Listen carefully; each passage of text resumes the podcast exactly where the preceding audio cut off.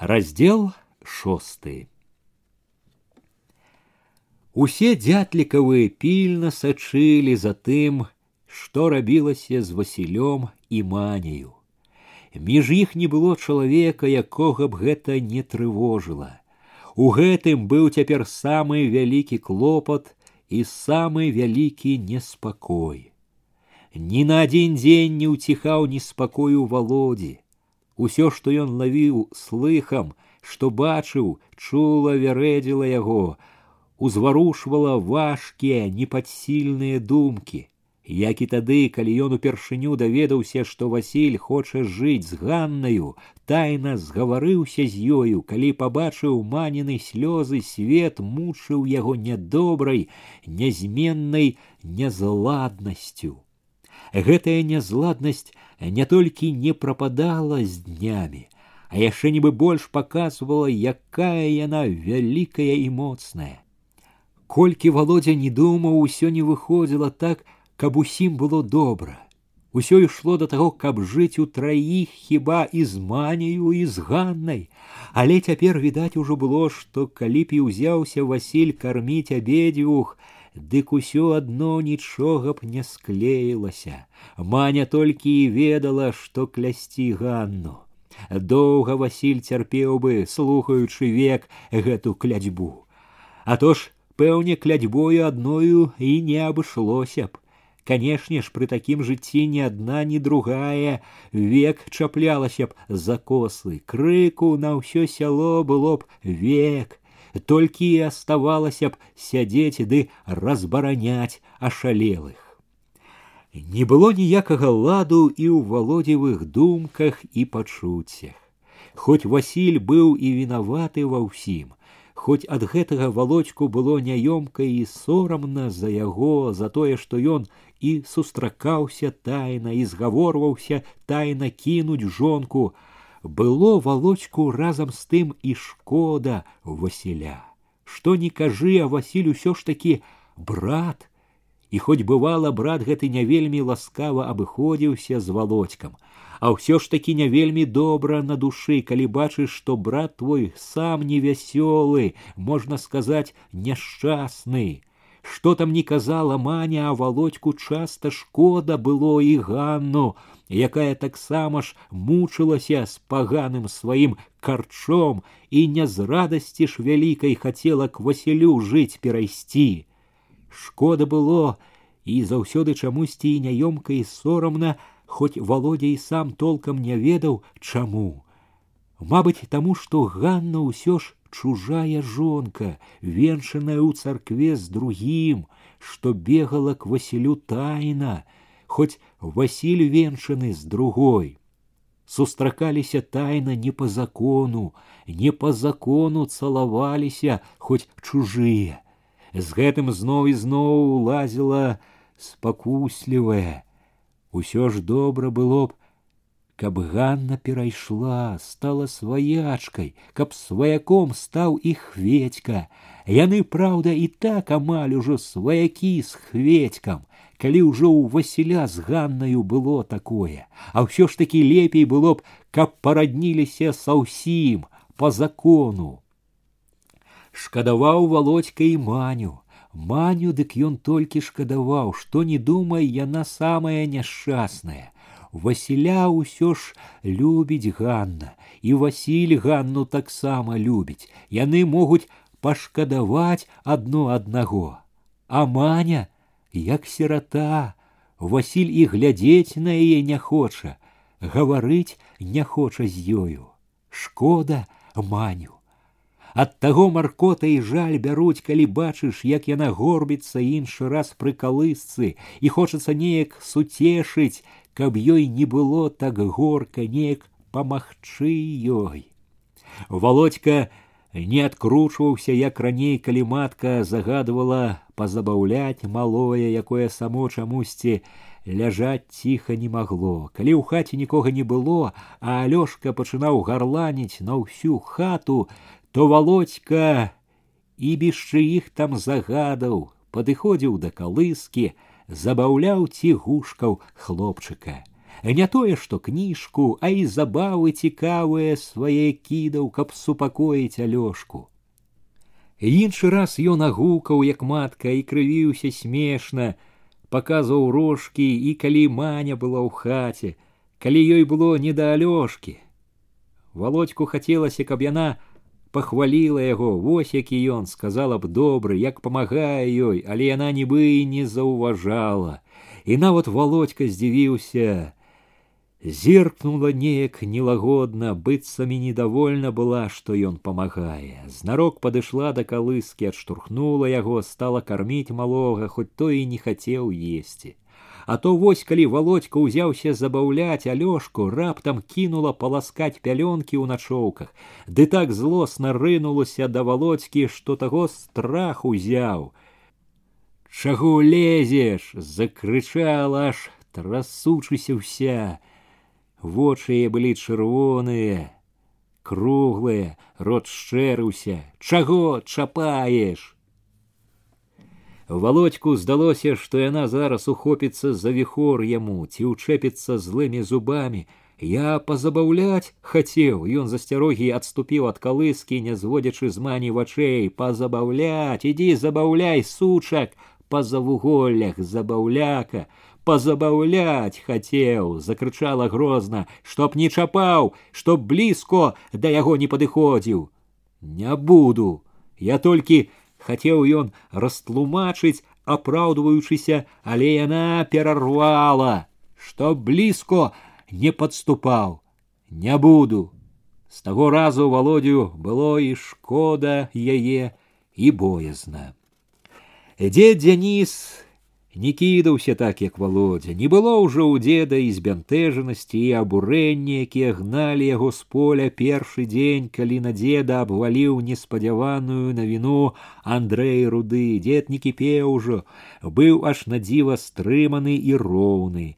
Быў ён яшчэ нібы больш строгі і разважны худы касцісты з важкім чырвоным носам хадзіў ён у дублёным кажусе і па двары і па хляве ўжо нібы не так старэча з нейкай дужасцю ў хадзе з асаблівай годнасцю даваў загады найбольш матцы паводзіў сябе не як якая-небудзь дзясятая спіца ў коле а як першы ў сям'і гаспадар Матка, беручы яго загады, хоць іншы раз і аглядвалася асцярожліва на Васіля, ківала деду згодна, слухалася.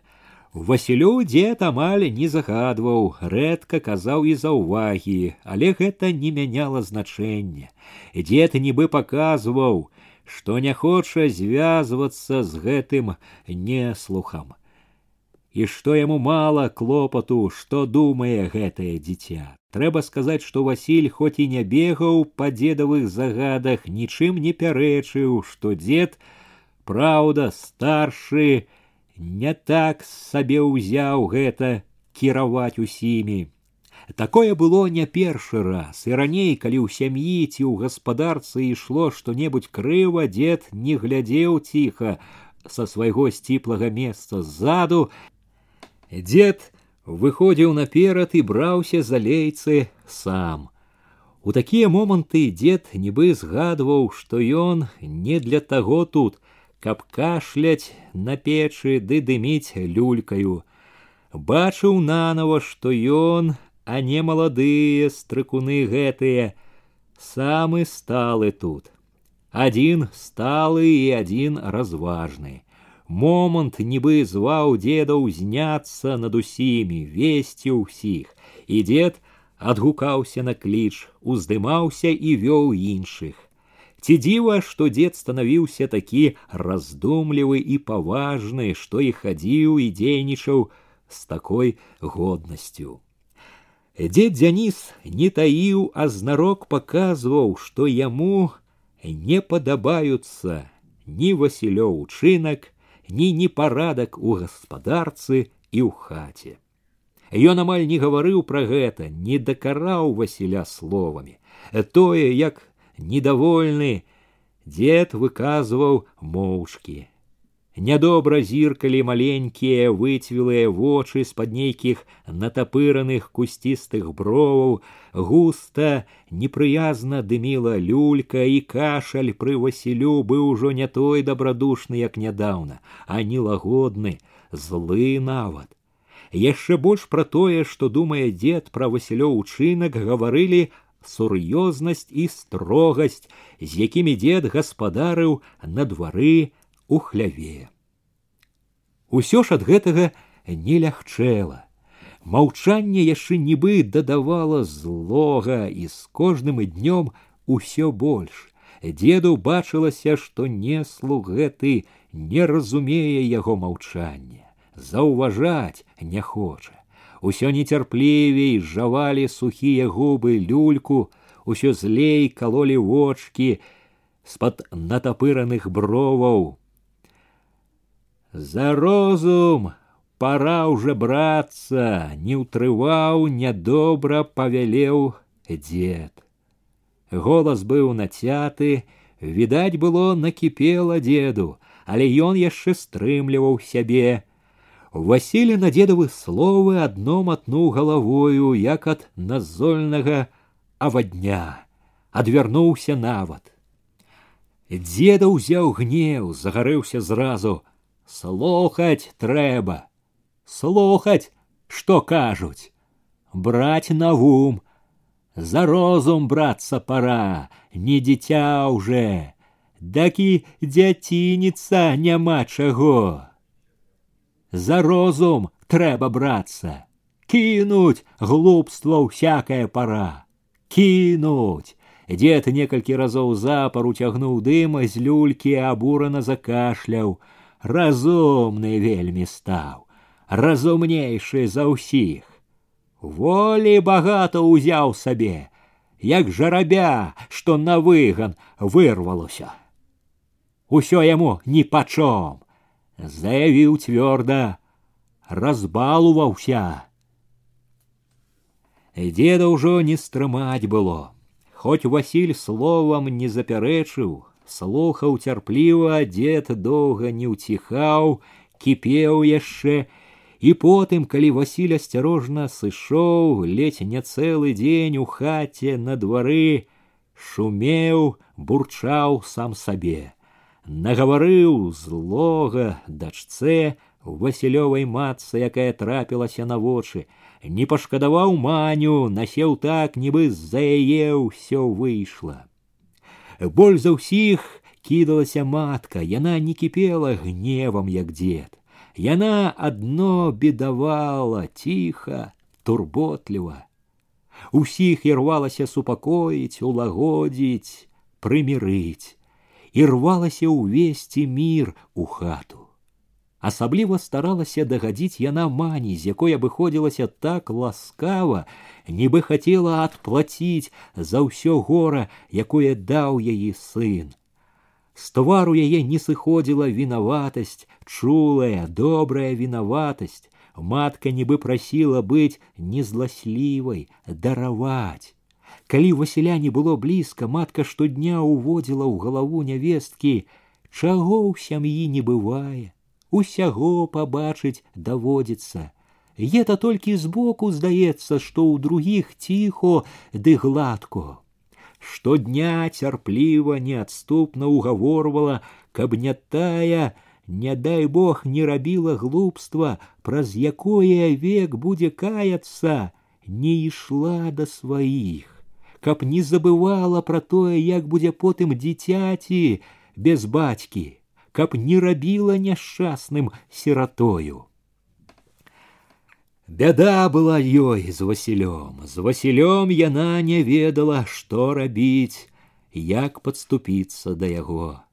Іншы раз яна завіхалася каля яго, спрабавала улагодзіць, змякчыць яго, але Васіль нібы не заўважаў яе ці недовольны адыходзіў. Ёй балела ад таго, што бачыла, ён не хіліўся ні да кога, ён цураўся ўсіх, не толькі мані. Усе і дзед, і яна, і володька былі яму нібы чужыя. Сярод сваіх ён жыў асобна, адзін сам з сабою і блізка не падпускаў нікога да сябе і яе разам з іншымі. Яе дык здавалася горш за іншых цураўся. Толькі можна было здагадвацца, што робіцца ў душы яго. Ад гэтых здагадак, ад невядомасці матчыны грудзі яшчэ болей ціснула скруха. Балела асабліва таму, што ведала ж, не такі ён каменны, як мог бы падумаць хто-небудзь іншы, бачыла, сумны і разгублены ён, сам не ведае, як з бяды выбрацца. Бачыла, што трэба яму і лагоды і парады, а ніякай падмогі не дапускаў. Калі яны ўвайшлі ў гумно, Васіль азірнуўся. Ён глядзеў на іх толькі момант, амаль адразу адвярнуўся, стаў зноў зграбаць памалочаную салому, кідаць у застаронак. Матка і дзед моўчкі стаялі ў дзвярах, чакалі. Згробшы салому, Васіль пастаяў трохі тварам да застаронка ў зрэбных сподніках і зрэбнай сарочцы, за сцюхамі ў расшухранай чупрыне сарочка каля пахі разлезлася і ў дзірку была відаць жоўтаватая паска голага. Ён трохі гарбаціўся, не то думаў пра нешта, не то чакаў, што яны скажуць. Яны маўчалі, і ён зноў азірнуўся. Патым, як ён з-пад лба уважліва, дапытліва глядзеў, было відаць, ён здагадаўся, што яны прыйшлі не так сабе. Але яны не сказалі нічога, зноў стаялі моўчкі дзед у кажусе у кучомцы строгі з тварам рашучым важным маці ў каптане як бы спалоханая вінаватая запушчанымі зморана руками яна трывожна сачыла за кожным васілёвым рухам Васіль стаяў, схіліўшы галаву, схаваўшы вочы, хмурны, насцярожаны, было чуваць, як пад страхою зацята верашчаць, пра нешта спрачаюцца вераб'і, як недзе цупае цэп, як крычаць, гуляючы дзеці. Дед пакашляў, пачаў першы па абавязку старэйшага. Дык што ж это будзе? Васіль варухнуўся, зіркнуў у іх бок, не сказаў нічога, дзед помаўчаў зноў, пайшоў далей. Як жыць будзеш? Васіль зноў варухнуўся, не падняў вачэй. Так і буду. Дед пачакаў трохі. Як это так? А так. Дзедавы вочки под натапыранымі брывамі павастрэлі. Дятліха спалохана зірнула на старога, молячы маўчаць. Ён недовольна, нязгодна адвёў вочки, але стрымаў сябе. Сох са ўсім, лагодна пашкадавала матка. У васілёвым твары смыкнулася нешта кволае, сумнае, яна пасмялела. Чтоб на сухоты не пайшло. Ён не зірнуў на яе, але матка заўважыла, слухае. З трудных думак можа пайсці, трудныя думкі да ўсяго давесці могуць. А раптам зноў пабачыла пасачку голага пад пахаю, пабачыла малым няшчасным, зайшлася такім жалям, што перахапіла горла.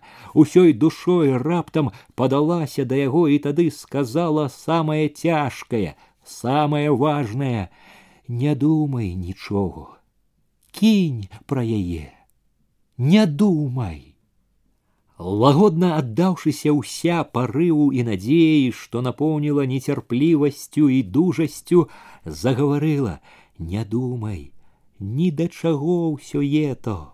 Сухоты толькі адны, а толку ніякаго.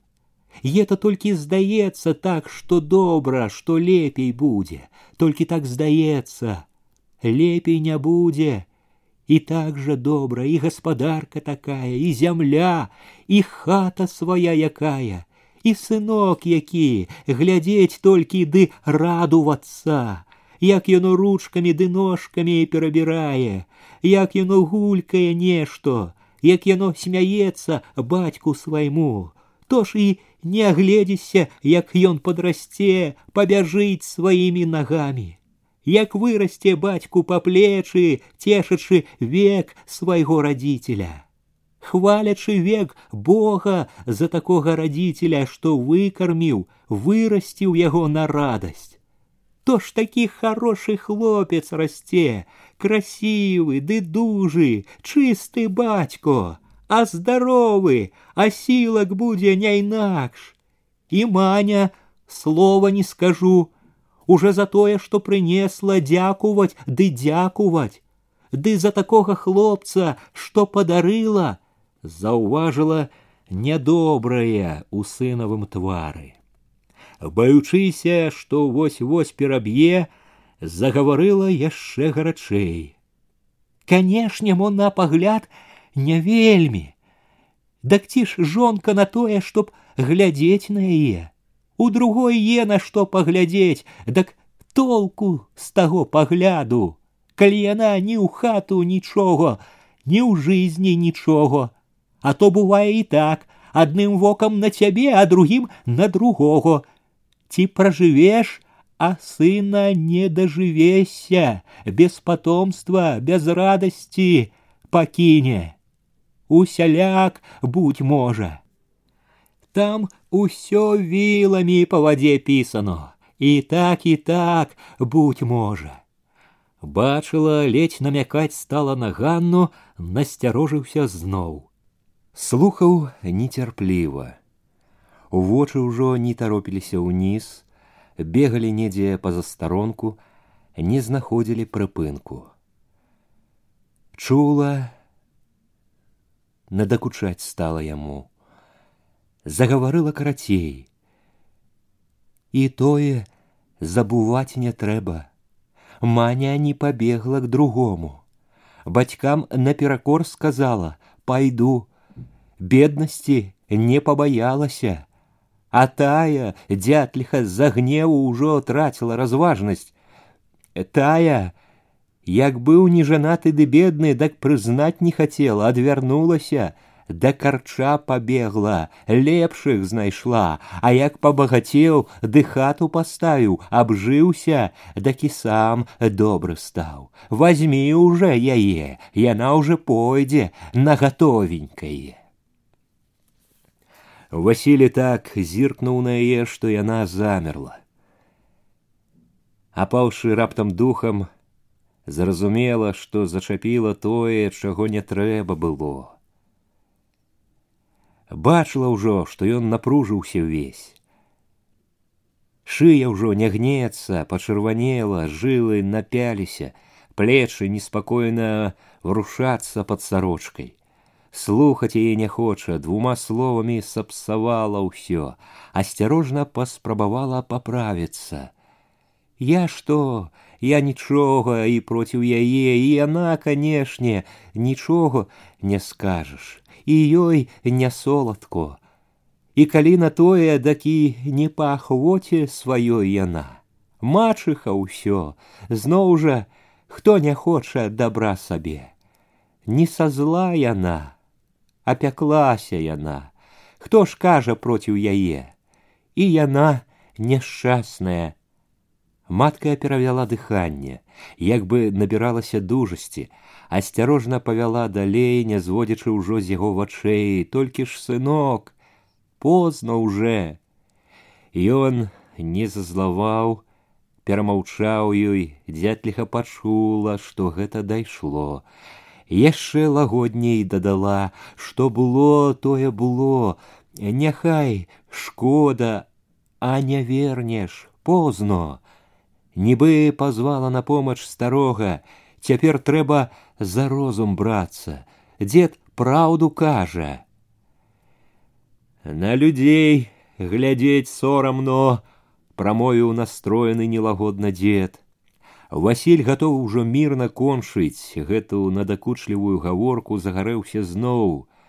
Дак вы не глядзіце. Як ето не глядзець. Дедова барада абурана заварушылася, па ўсіх дварах тым часам толькі і плятуць. Няхай плятуць, у каго языкі свярбяць. Праходу няма. Ад, Васіль варухнуўся так, быццам паказваў, слухаць няма чаго. Разумны вельмі стаў, закрычаў раптам дзед. Слухаць нікога ўжо не хоча, усё яму ніпачом. Не хадзіце, не глядзіце, не слухайце, што плятуць. Волі багато бярэш. Хопіць уже гайсаць, не хлопец уже, не жарабя, жыць трэба ўжо як людзі. От бо не вытрываў Васілі, не апранаючыся выскачыў з гумна, на прыгуменне азірнуўся куды падацца. Матка кінулася за ім, а Васілько, але ён адкаснуўся ад яе, падаўся за гумны. Васілько, світу возьми. Ён затрымаўся, нягледзячы на яе узяў світу, люта ўсадзіў руки ў рукавы, не зашпільваючыся, намерыўся, ісці. Яна выскочыла наперад. Вярнуўся мо. Яна нясмела зазірнула ў вочы яму. Чаго ты пойдзеш, немаведама куды, вярніся. Ён адводзіў хмурны, невідушшы позірк.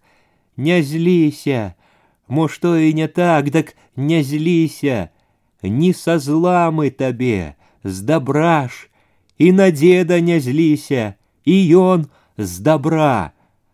Васіль нецярпліва крануўся, яна ўжо не затрымлівала яго, бачыла ні да чаго гаварыць яму, не паслухаецца, толькі болесна глядзела ўслед вачыма поўнымі жалю і трывогі, каб не ўчыніў чаго паганага з сабой. Худая, высушаная надмернай працай рознымі турботамі, з тварам, на якім пад шэрай у глыбокіх маршчынах скурай выпіналася выразна кожная костка, шчокі, нос, подбородак, стаяла яна под холодным ветрам і не чула нічога. Ветер рэзаў вочы, і яна прыплюшчвала іх, але не заплюшчвала зусім, не адварочвалася, глядзела ўсё ўслед с трывогай, што не ціхла чакала, як надзеі на радасць, што азірнецца. Ён ішоў, падаўшыся ўперад, амаль не махаючы рукамі, ішоў без якой-небудзь сцежкі, пакупі на прасткі да чорнага алешніку. Рушыў дзіўна проста, як бы ведаў куды раз другі спатыкнуўся абкупены, няспрытна ступаў у ямкі, але рушыў і рушыў калешніку. Ён так і не зашпіліў світы і ветер, раскідаў полы яе, але ён і на гэта не зважаў. Рушыў, нібы сляпы, нібы п'яны, і так і не азірнуўся. Яна глядзела ўслед, калі ён ужо схаваўся ў алешніку, подумала з дакорам сабе, што дарэмна ўсё ж не затрымала, не вярнула, каб не ўчыніў чаго паганага. Васіль не заўважыў, як дайшоў да алешніку, як пайшоў між чэзлых, голых недаросткаў, не са зла, з добра не адступала злосная, улезуць, развярэдзяць душу, дык з добра. Пераядзяць чалавеку душу, ды маўчы, Дзякуй, што і яны яшчэ разам з чужымі. Мала таго, што чужыя, дык і свае так жа. Ён згадаў дзедава перад людзьмі сорамно, і злосць пайшла на деда.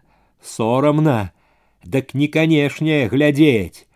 Да і не ты рабіў, дак і не саромейся за некаго.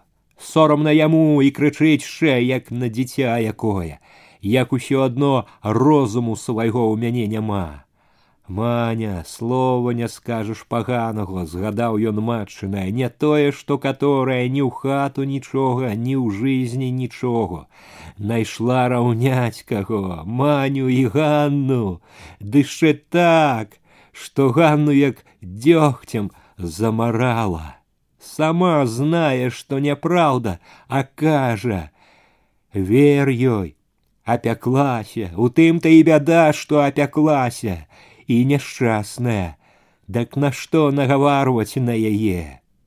Што было, тое было. Няхай шкода, а не вернеш, зноў нібы пачуў ён, і зноў зазлаваў на матку на деда. Лёгка вам ето казаць. Усё вам лёгко. Вы толькі і умееце, што вярэдзіць душу, а самі і знаць не знаеце, як яно чалавеку.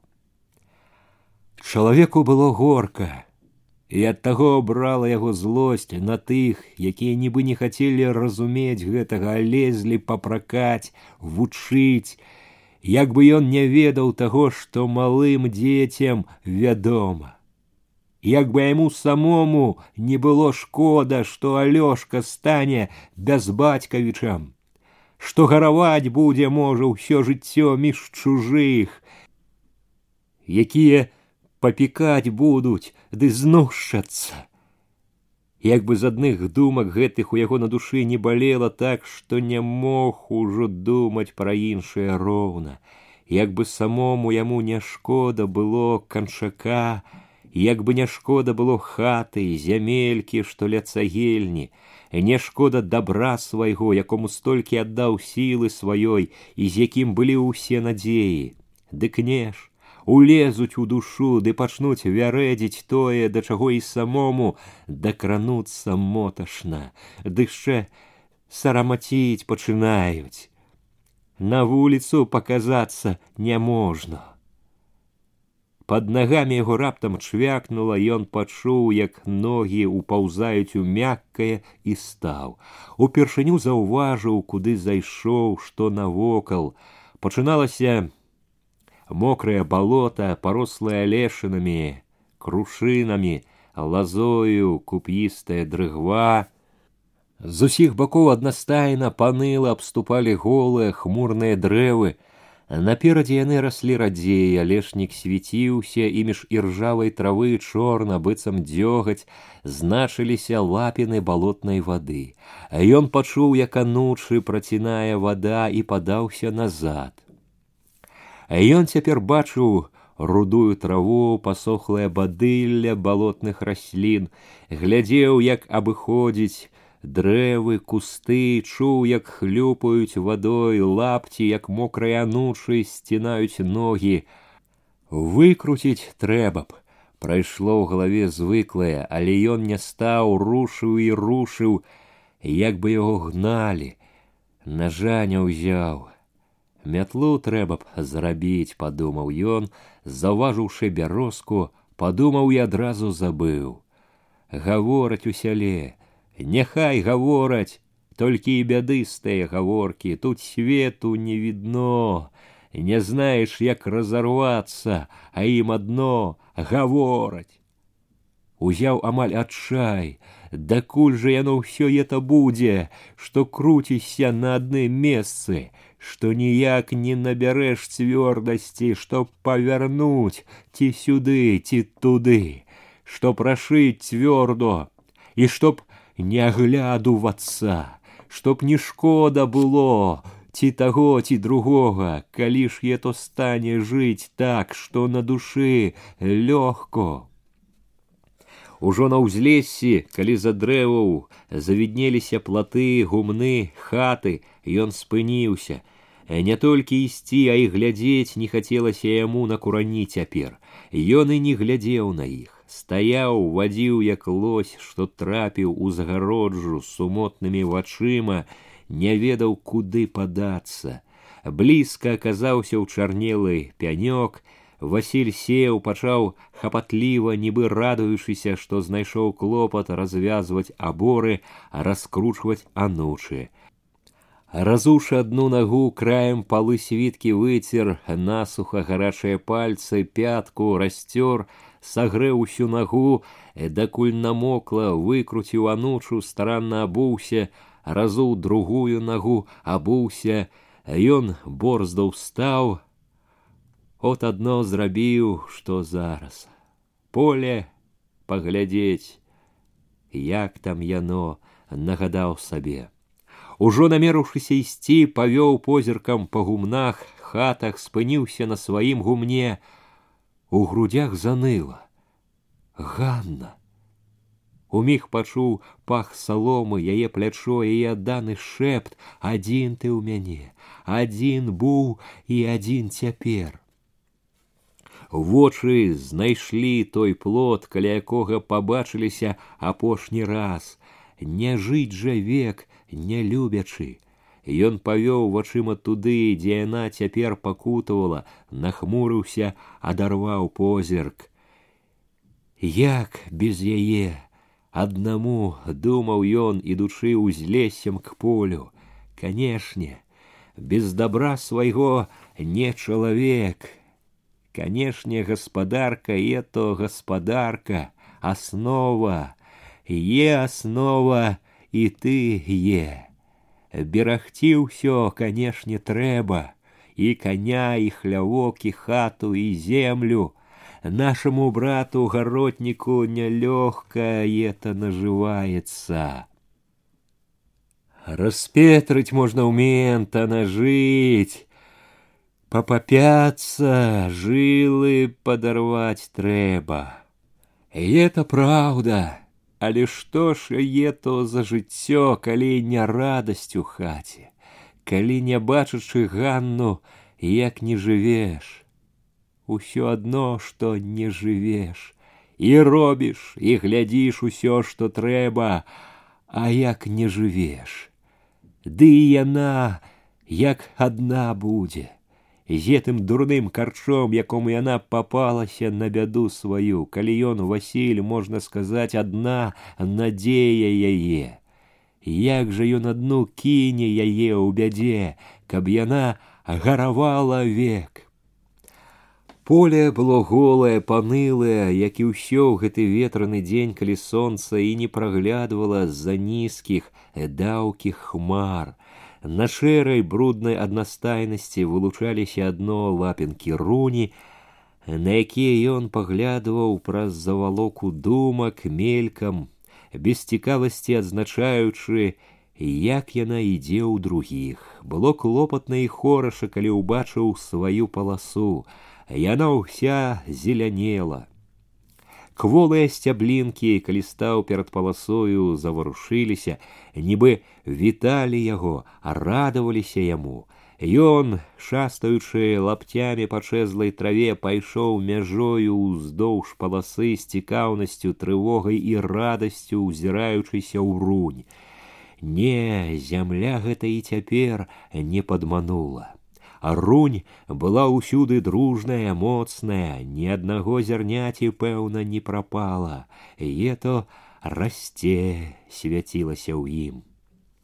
Звыкла з асцярожлівасцю, каб не ўракнуць, стрымаўся, як Бог дасць снегу ды марозу і вясну добрую, дак уродзіць нешто, будзе жыто Э толькі Бог даў снегу ды вясну, ды лето добрае, чтоб не вымерзло, не вымакло, не высохло, не дай Божа, як бы помоліўся ён.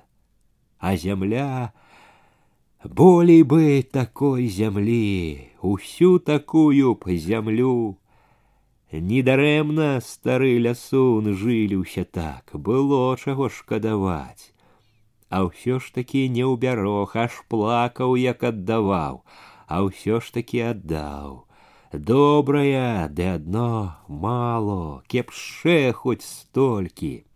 Прыйшоў на памяць той незабыты перамер, калі біўся з яўхімам.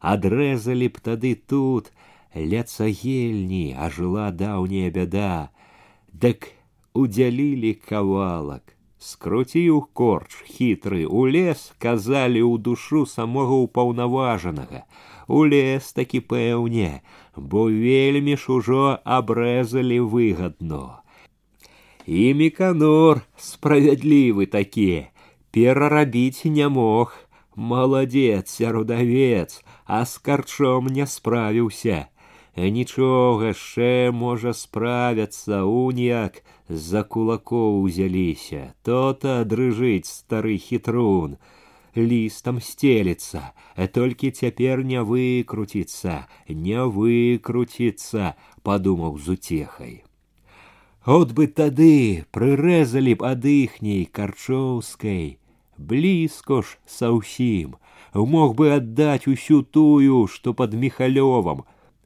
возьмите скажу усю тую аддайце тут чтоб маўля у адным месцы чтоб зручно было аге дадуць табе пабачыш як свае вушы дадуць не дадуць а попробовать канешне трэба згадалася апошняя гаворка з міканорам пра калгас капайся ў гразі добра свайго бачыць не хочаш добро Побачым, якое то яшчэ добро прыдумалі, аддай усё сваё, памяняй на чужое.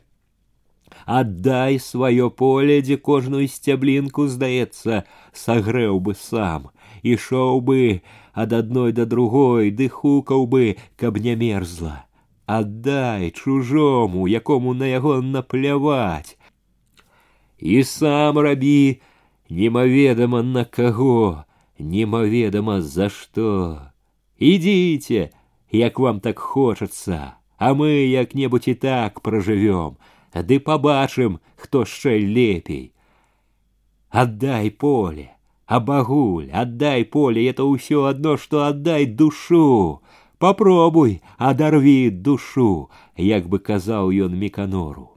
Потым кінуў гаварыць яму, Абабегшы позіркам паласу падумаў ужо сам сабе уся сіла чалавека ў зямлі і сіла ўся і радасць няма зямлі няма лічы і чалавека Ганна зноў уварвалася ў яго думкі ён мімаволі стаў нібы зачапіўся за штосьці ну вот зноў ажыло знаёмае нязбытнае зноў як спутаны дакуль жа ета будзе з вінаватасцю перад ганнай узяла злосць не хацела тады як можна было за карчом пагналася цяпер думай тут а што я ўдумаю што калі нічога прыдумаць не можна не можна уже Ён растрывожана павёў вачыма па полі, яно здавалася, глядзела, чакала,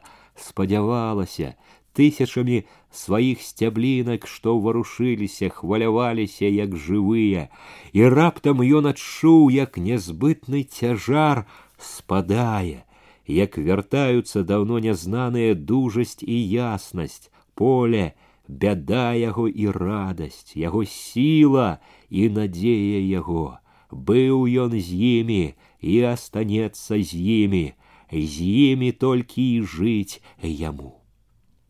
Не кіне ён ніколі поле гэтае, якім не нацешыўся, хату, у якой не жыў яшчэ, не кіне, каб і хацеў, не можа кінуць, як не можа сам сябе загубіць. Ганна згадалася зноў, але так, як бы разышліся ўжо, разышліся, ведаючы, што сустрэцца ўжо не давядзецца. Узяла маркота жаль абстрачаным назаўсёды, не суджано, нібы сказаў ён сабе, суцяшаючы. Не судзілася тады, дык цяпер няма чаго думаць, кончылася, пра дзело трэба думаць пра гаспадарку. Ідучы зноў мяжою, чапляючыся лаптямі зачэзлае бадылле, тлумачыў сабе, Мабуць, так уже век, што не можна, чтоб усё было аднаму, што трэба нечым паступацца, Дакі трэба паступіцца. Ні малы, ні стрыкун, хваціць уже балувацца. Мала што даўпадобы. Прайшла пора, пра дзела думаць трэба. Цераз палосы спожнюю, цераз узараныя, цераз межы ён падаўся к узлессю бліжэй да сяла зрэзаў вялікі кут той жа хуткай дужай хадою з болаткам поплавам амаль на прасткі пайшоў к загуменню абмінуўшы сяло выйшаў к свайму гумну да самых поцімкаў не аддыхваючыся цупаў і цупаў цэпам Ужо ў цемры зачыніў вароты гумна, але не пайшоў вячэраць, доўга гаспадарыў у хляве, цешыўся канём. Усхапіўся зноў на золаку, яшчэ і не ўднела добра, сякерай кінуўся к новай хаце, лёгка адкінуў ад другіх адну калоду, уладзіў, каб не круцілася, замахаў сякерай. Матка ледзь адарвала, каб паснедаў. Да паўдня часаў дрэва аж звінела пад сякерай, а пасля полудня ухапіўся зноў за цэп. І цэп бегаў спрытна, ахвотна, не стамляючыся, як перамяніўся чалавек. Ганне ніяк не ўдавалася пабачыцца з Васілём. Некалькі разоў праходзіла яна па загуменні паўз яго селішча чакала, але яго не было Не было Васіля і на тых вячорках, куды хадзіла яна з кудзеляю. Як надзеі на радасць узрадавалася Ганна чуцца, што прыехала кіно. Кіно было ўжо ў куранях два разы, але першы раз Ганна даношвала дзіця перад родамі, а другі малое было на руках, толькі з людскіх гаворак ведала яна, якое гэта дзіва кіно вельмі вялікая ахвота была некалі пасля тых людскіх гаворак пабачыць кіно, але цяпер кіно прывабіла ганну не так само сабою, як тым, што на яго сыдзецца многа людзей. А жыла нецярпліва забруілася надзея, будзе, мабыць, і Васіль. Хоць бы здалёк пабачыць, вачыма перамовіцца. Яўхім яшчэ пад вечар падаўся кудысьці. Можна не баяцца, што прычэпіцца, затрымаць захоча. Ледзь накарміла жывёлу, хапаючыся, каб хоць не вярнуўся няўчас, апранула каптан і стрыманай хадою ступіла на ганак. Выткнуўся бы знарок стары, прасіпеў нядобра: « Куды это? От пайду пагляджу, як адмахнулася ад яго. Чула спіною, што глядзіць услед, але не азірнулася, ішла цвёрда, упэўнена. Кіно павінны былі паказваць у пракопавай хаце адной з большых куранёўскіх хат. На граскай вуліцы, каля хаты, на двары у поцімках і ў белым аж рэзала вочы. Святле, што ішло з вокан, топіліся, варушыліся, здалося ўсе курані. Амаль адразу яе ўзрадавана гукнулі, і яна азірнулася. Ёй усміхаўся сцяпан. Хадзем разам, сказаў ён весела. Можна разам, не ўзрадавалася яна. За мной ідзі. Было многа не толькі моладзі, але і старых, асабліва мужчын, у двары прыйшлося проста прабірацца між чародак людзей. Сярод дарослых усюды шнырылі малыя, гула гамонка ўскідваўся смех, вясёлыя воклічы, як на вяселлі якім, ці ў царкве на вялікі дзень, подумала Ганна таксама поўнічыся весялосцю. О, тут е такая машинка, якая ток электрычны дае, цешыўся, казаў сцяпан. Круціць яе трэба, чтоб электрычнасць дала, ён засмяяўся. Глядзі, сколькі ахвотнікаў пакруціць. попасці ў кіно бясплатно. Калі сцяпан і Ганна ўціснуліся ў сенцы, яна аж радасна прыжмурылася. Да таго ж светла, такой яснасці ў дзень у сенцах не бывае. Зірнула з павагай на лямпачку, што зырчала над расчыненымі дзвярыма ў хату. Ужо затым заўважыла яна поблізу ў сенцах дзіўную машыну з кругамі ў гары, пра якую сцяпан сказаў, што гэта і ёсць кінаапарат. Галоўны апарат, які паказуе ўсё, усё ідзе адсюль, ад е таго апарата. Яго дасведчанасць давала цяпер як бы перавагу, і ён трымаўся з ганнай вальней і смялей, чым заўсёды і не таіў шчасця. Яна ўпершыню бачыла яго вясёлым з тых дзён, як ён вярнуўся з няўдалых уцёкаў у камуну. Ганна ведала, што ён і цяжка перажываў сваё выключэнне з камуны. Кулацкі сын ведала, што толькі слёзы яго маткі прымусілі яго зноў вярнуцца з няпэўнага прыпынку ўжо у юравічах дадому. Яна здзівілася, калі ўбачыла ўпершыню, як ён пасталеў за які-небудзь месяц, век маўклівы, унураны, нейкі нязнана важкі, павольны, штосьці ў ім нібы раптам згарэла, патухла і вось дзіва зноў запалілася. Ён, аказваецца, мог быць цяпер вясёлы, давольны, каля апарата корпаўся штосьці папраўляючы гладкі і здалося вясёлы незнаёмы хлопец з русявымі зачэсанымі назад валасамі тут жа быў і андрэй руды важна заглядваў туды што і хлопец пытаўся ў яго каб увайсці ў хату трэба было купіць білет якія прадавалі на століку перад дзвярыма. Сцяпаны толькі ўзяў квіткі і пазваў ганну ў хату, калі побач раптам выпнуўся расчырванелы з вачмі, што прасілі і малілі хведька, і я, і мяне. Яго прапусцілі з імі.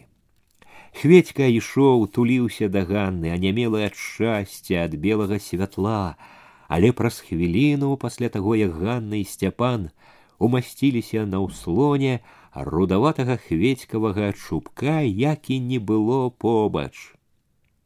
Знік недзе сярод сваіх равеснікаў, што круціліся, дурэлі на падлозе наперадзе каля самага белага палатна. Ганна гледзелася, у хаце было ўжо багата людзей.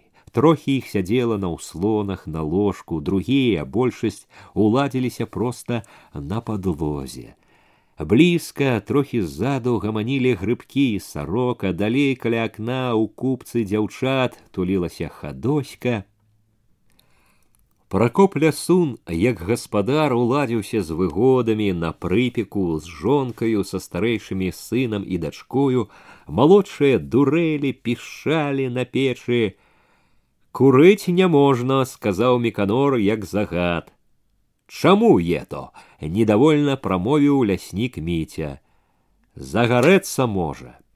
Сцяпан усё з той жа пасмялеласцю, радаснасцю стаў адразу расказваць, як недзе за прыпяццю запаліўся апарат ад адной іскрачкі. Хата згарэла ў момант, бы карабок запалак. Ганна ківала яму галавою, паказвала, што слухае, а сама была поўна адною думкаю Васіля няма стараючыся не паказваць таго яна нецярпліва лавіла галасы ў тым баку дзе былі дзверы адкуль уваходзілі разы два не вытрымлівала азіралася глянуўшы апошні раз на дзверы яна неспадзеўкі ўбачыла яўхіма не ўседзеў дома прыпёрся ўслед Гэта было ёй як знак сваёй сілы, уладай над ім, але ўцехі ні на міг не пачула яна.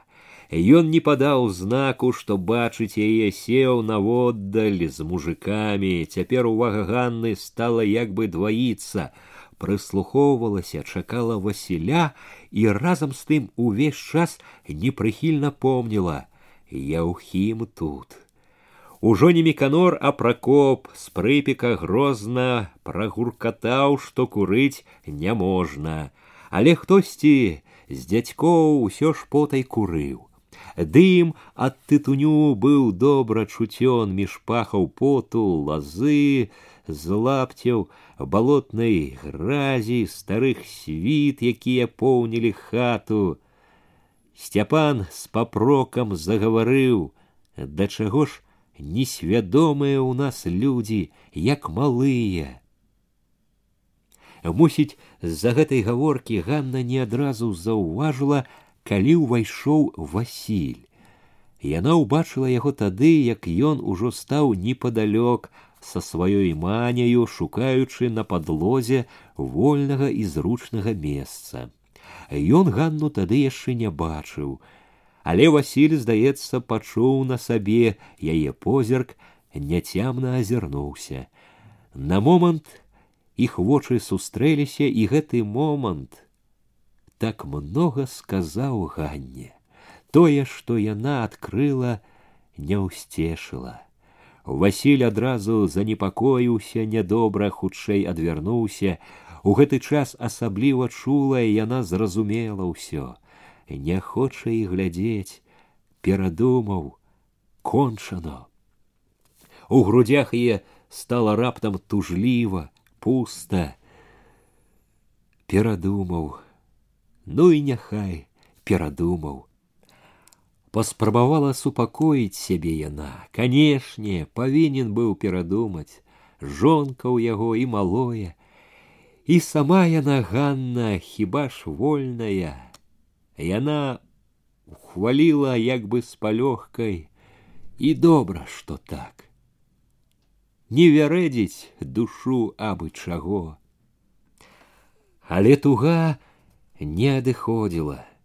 Ганна чула, разумела, яшчэ адна ўцеха надзея яе прапала у момант раптам не стала таго, чым цешылася, аб чым днямі і начамі трызніла, марыла, да чаго рвалася душою.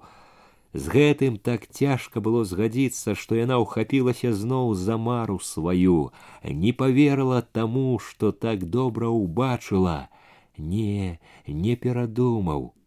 Ето так здалося толькі, ета ён толькі перад людзьмі так, каб не плялі лішняго.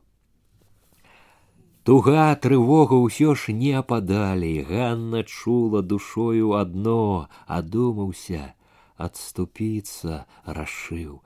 Ёй зрабілася так прыкра, быццам яна знарок сама сябе ашукала, напляла, настроіла сабе Бог ведае, чаго дурніца, сама напляла і сама поверыла. Яна зноў адчула сябе адзінокай, чужой сярод чужых. Нявесела было цяпер слухаць бесклапотны, са смехам гоман людзей, подумала горка, трэба было перціся сюды, сядзела палепей дома. З гэтым настроем яна амаль не слухала, што казаў міканор, які выйшаў к сталу, знайшоў, калі ўгаворваць, каб уступалі ў калгас самы час людзям думаць пра гэта. Нарэшце пачуў, што попусту гаворка перастаў лезці ў душу людзям. Абыякова глядзела, як пад усхваляваныя воклічы дзяцей і покрыкі дарослых, якія загадвалі сціхнуць, на палатне заварушыўся, нібы уладжваючыся ямчэй белы квадрат. Ён то лез на столь, то апаўзаў так, што на палатне тырчалі нечыя неслухмяныя віхры, чарнелі шапкі, нават галовы. Гэтыя абрысы весялілі таго сяго асабліва малых, якія адзін за адным сталі высоўваць руки, паказваць чорцікаў, дулі. Яны ўраз апалі, калі Андрэй руды ад апарата пагразіўся, чтоб селі ў мент а недак выганю ўсіх. Белы квадрат пакоўзаўся, пакоўзаўся, супакоіўся, стаў. Амаль адразу, калі святло ў хаце пагасла, белае акно на сцяне паявілася зноў ужо ярчэйшае, і ў цікаўнай цішыні ззаду ад дзвярэй пачулася стракатанне. У белым акне задрыжалі, заскакалі, як бы ў полечцы, нейкія плямы, пісяі, нібы жывыя выскачылі літары. Абрэк заур, прачытаў голас сцяпан. Яна не зразумела нічога з гэтых слоў, ды і не дабівалася зразумець праз бяду сваю Ганна без якога-небудзь захаплення зусім інакш, як усе, што аж анямелі, зачараваныя, глядзела на дзівы, што паяўляліся, мяняліся і мяняліся ў белым дрыготкім акне. То лезла крыва, потырч, зямля з камянямі, пра якую сцяпан казаў горы, то ляпіліся адна на адной дзіўныя хаты без стрэх, то імчаў на чорным жарабцы адчайны чорны чалавек у вялікай кучомцы. Ён так грозна ляцеў са сцяны, што наперадзе нехта закрычаў ад страху. Ды і ганне было не вельмі добра, усё здавалася, выскочыць са сцяны з акна паляціць на жарабцы па людскіх плячах ды галовах непрыкметна спакваля туга ціхла, але зусім не забывалася. Усё ж бачыла ўжо наперадзе няхай дзіўнага, але чалавека жывога нібы і знаёмага. І чым больш уведвала пра яго, тым больш цікавіў ён, больш спачувала яму. Цікавасць і трывога аб ім дзіўна спляталіся з тугой аб сваёй бядзе, з тугой пра нейкае нязнанае і заваблівае жыццё ў нязнаных дзівосных кутках, куды, каб магла паляцела б з радасцю ад бяды, ад няпраўды, ад няўдачы сваёй. З гэтым неспакоем сядзела яна, і калі акно наперадзе зноў чыста забялела, і запалілася ў хаце святло. Мара туга паляцець, уцячы кудысьці яшчэ пабольшала, запаліла, калі згадала Васілёў позірк, зноў вярнулася душою да таго, што з гэтага позірку зразумела. Яна, аднак, пастаралася адагнаць тугу сваю, стала прыглядацца, прыслухоўвацца да таго, што дзеялася вакол было відаць багата хто быў як бы аглушаны бачаным і не мог ачомацца ядры яго мать выказаў захапленне зайчык зямля у неба лезе які чорны такі праворны заявіла сарока цыган чысто салому са стрэх нібыта скармілі Ни одной страхи. Андрей Руды попрокнул за темноту людскую. Кавказ! Следовательно, и горы, и кавказцы черные, и хаты такие. Сакля называется. Объед им неоднократно писал Михаил Юрьевич Лермонтов.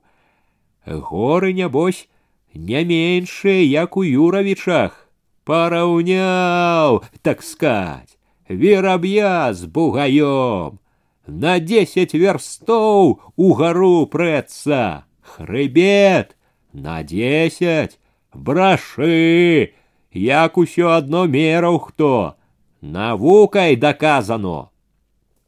От адчаянны дзеткі еты, што на кані, зноў плёў захапленнем зайчык адчаяны і конік нічога мне б такога умен быў юравічы заскочыў дак это ўсё не то здзівілася не то проста запыталася грыбчыха цішчэ што пакажуць шчэ будзе супакоіў сцяпан самае цікавае людзям была ахвота паглядзець гэтае цікавае але той што паказваў кіно усё нешта стукаў у сенцах жалезнымі банкамі мудрагеліў каля машыны ледзь дачакаліся калі патухне зноў святло і задрыжыць затрасецца белае акно на сцяне і тут неспадзеўкі ўразіў яшчэ адзін цуд горы раптам перавярнуліся звіслі са столі верхам уніз, неба і воблакі задрыжалі под імі, і конь, як муха па столі пабег да гары нагамі, і не чалавек ехаў на ім, а ён на чалавеку на чорнай кашлатай шапцы. Ганна, як і ўсе людзі, была так здзіўлена тым, што бачыла дасюль, што і гэта ўзяла за дзіва, якое толькі не ведала, як разумець. Дзеці ж адразу ж завішалі ад радасці.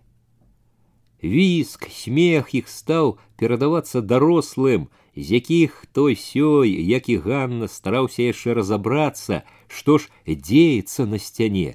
Смех, рогат, усё дружнеў, дужэў, Неўзабаве ўся хата трэслася ад рогату, у якім на час зусім забылася адважная постаць чорнага конніка. Людзям было нават шкада, калі гэтае вясёлае відовішча на платне раптам прапала, і вясёлы кіношнік сам вельмі рады, што пацешыў людзей стаў зноў корпацца каля машыны. Неўзабаве тыя ж горы і таго ж конніка ўсе ўбачылі як трэба. Ён ехаў на кані камяністай крывой дарогаю. Гэта было ўжо нібы не так цікава, але хутка гісторыя загадкавага каўказца зноў захапіла ўсіх. У гэту ноч засынаючы, Ганна бачыла то хаты, што ляпіліся адна на адну, то чорнага чалавека, які ляцеў на кані, цэліўся са стрэльбы, зноў і зноў бачыла Васіля, як стаяў з маняю, як адвярнуўся ад яе ад ганны. Дзіўныя відовішчы кіно і тужлівай рэальнасці спляталіся, блыталіся. На момант убачыла сябе на кані ляціць ляціць аж дух займае лёгка добра добра шчаслівая туліцца да адважнага чорнага конніка не не да яго да васіля ляцяць ляцяць удваіх з васілём васіль мілы мой і тут жа абудзілася ледзь даўмела дзе ляжыць у памяць зноў унізалася як убачыла васіля як ён адвярнуўся і ганна ледзь не застагнала Каб адагнаць тугу крыўду боль стала знарок згадваць тое, што бачыла ў кіно, але і тут спакою не было. Душа балела па адважным конніку, марыла аб нейкіх адважных учынках, аб прасторы, аб волі, паляцела б, не паглядзела б ні на што, каб было з кім цудоўныя відовішчы, якія яшчэ жылі ў ёй звалі, вялі яе ў свет цудаў, але ўтрымаць у гэтым свеце не маглі доўга зноў і зноў у мары яе ўрывалася згадка пра Васіля. Самая дарагая надзея гразілася цяпер самай горкай стратай.